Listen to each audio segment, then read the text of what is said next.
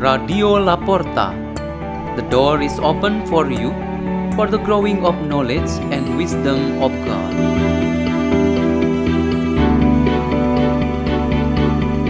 Delivered by Father Peter Tukan, SDB from Salesian Community Labuan Bajo, Diocese of Ruteng, Indonesia.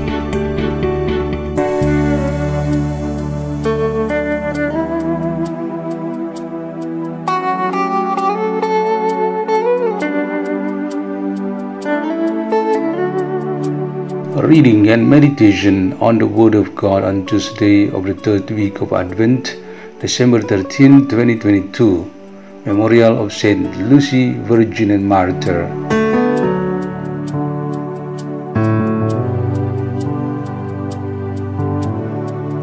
A reading is taken from the Holy Gospel according to Matthew chapter 21, verses 28 to 32. Jesus said to the chief priests and the elders of the people, What is your opinion? A man had two sons. He came to the first and said, Son, go out and work in the vineyard today. The son said in reply, I will not. But afterwards he changed his mind and went. The man came to the other son and gave the same order. He said in reply, Yes, sir, but did not go. Which of the two did his father's will? They answered, The first.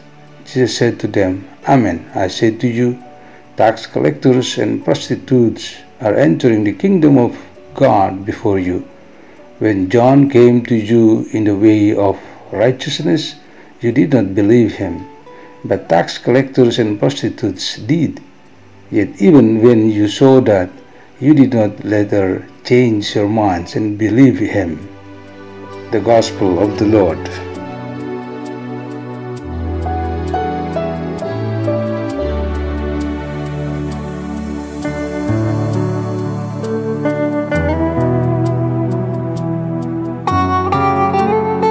The theme for our meditation today is We sin, but we believe. There were three priests from different religious communities and a diocese happened to gather in a particular occasion. This could be seen as their reunion after many years not seeing each other. They are alumni of one primary school who, after completing their secondary school, each chose his path to become priest in the Catholic Church through the different seminary formations. In a relaxed moment at a coffee shop, they shared a meal and many stories told. One of the most interesting stories was when they played in the rectory garden during the time they were the altar boys who frequented daily mass in the local parish church. We know naughty children are, and this is very common. There was no exception for those three boys. It happened around 4 or 5 in the afternoon. After regular meeting of the altar boys, some of them, including the three, went into the rectory garden. They picked up mangoes from the tree that was not high, so they could just stand and took the fruits. The mangoes looked big, ripe, and tasty, that so interested them. However, while they were busy gathering fruits, they were being seen by the parish priest from a hidden place. As they came out carrying the stolen mangoes, the parish priest met them at the garden gate. They were ordered to put all the mangoes on the ground. Then they were directed by the pastor into the church. There they were given the necessary advice and were obliged to pray for the forgiveness from the Lord. After that, the pastor allowed them to return to their respective homes, bringing along the mangoes. The three boys, who are now priests, bowed to the pastor and all together said, Forgive us, Padre, we have sinned, but we do believe in God. The parish priest was amazed by what the three boys had just said. They certainly learned from their naughtiness in stealing what they should not do. This experience helped to construct their faith, by which important role and contribution had paved the way for them to become priests. In this season of Advent, one of the ways of preparation we should do is to acknowledge that we are sinners, while at the same time we make a much stronger confession that we are true believers.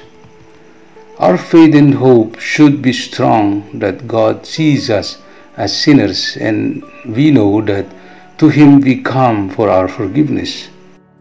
John the Baptist was sent from heaven to remind us on his mother. This is in accordance with the prophet Zephaniah's prophecy in the first reading today that salvation is indeed promised to all who believe in the Lord, in this case, all of us who are sinners. Let us pray. In the name of the Father, and of the Son, and of the Holy Spirit. Amen. O Lord Jesus, strengthen our faith so that we will always recognize ourselves as sinners and come to you to confess and to receive pardon. Glory to the Father, and to the Son, and to the Holy Spirit, as it was in the beginning, is now, and ever shall be, world without end. Amen. In the name of the Father, and of the Son, and of the Holy Spirit. Amen. Radio La Porta. The door is open for you.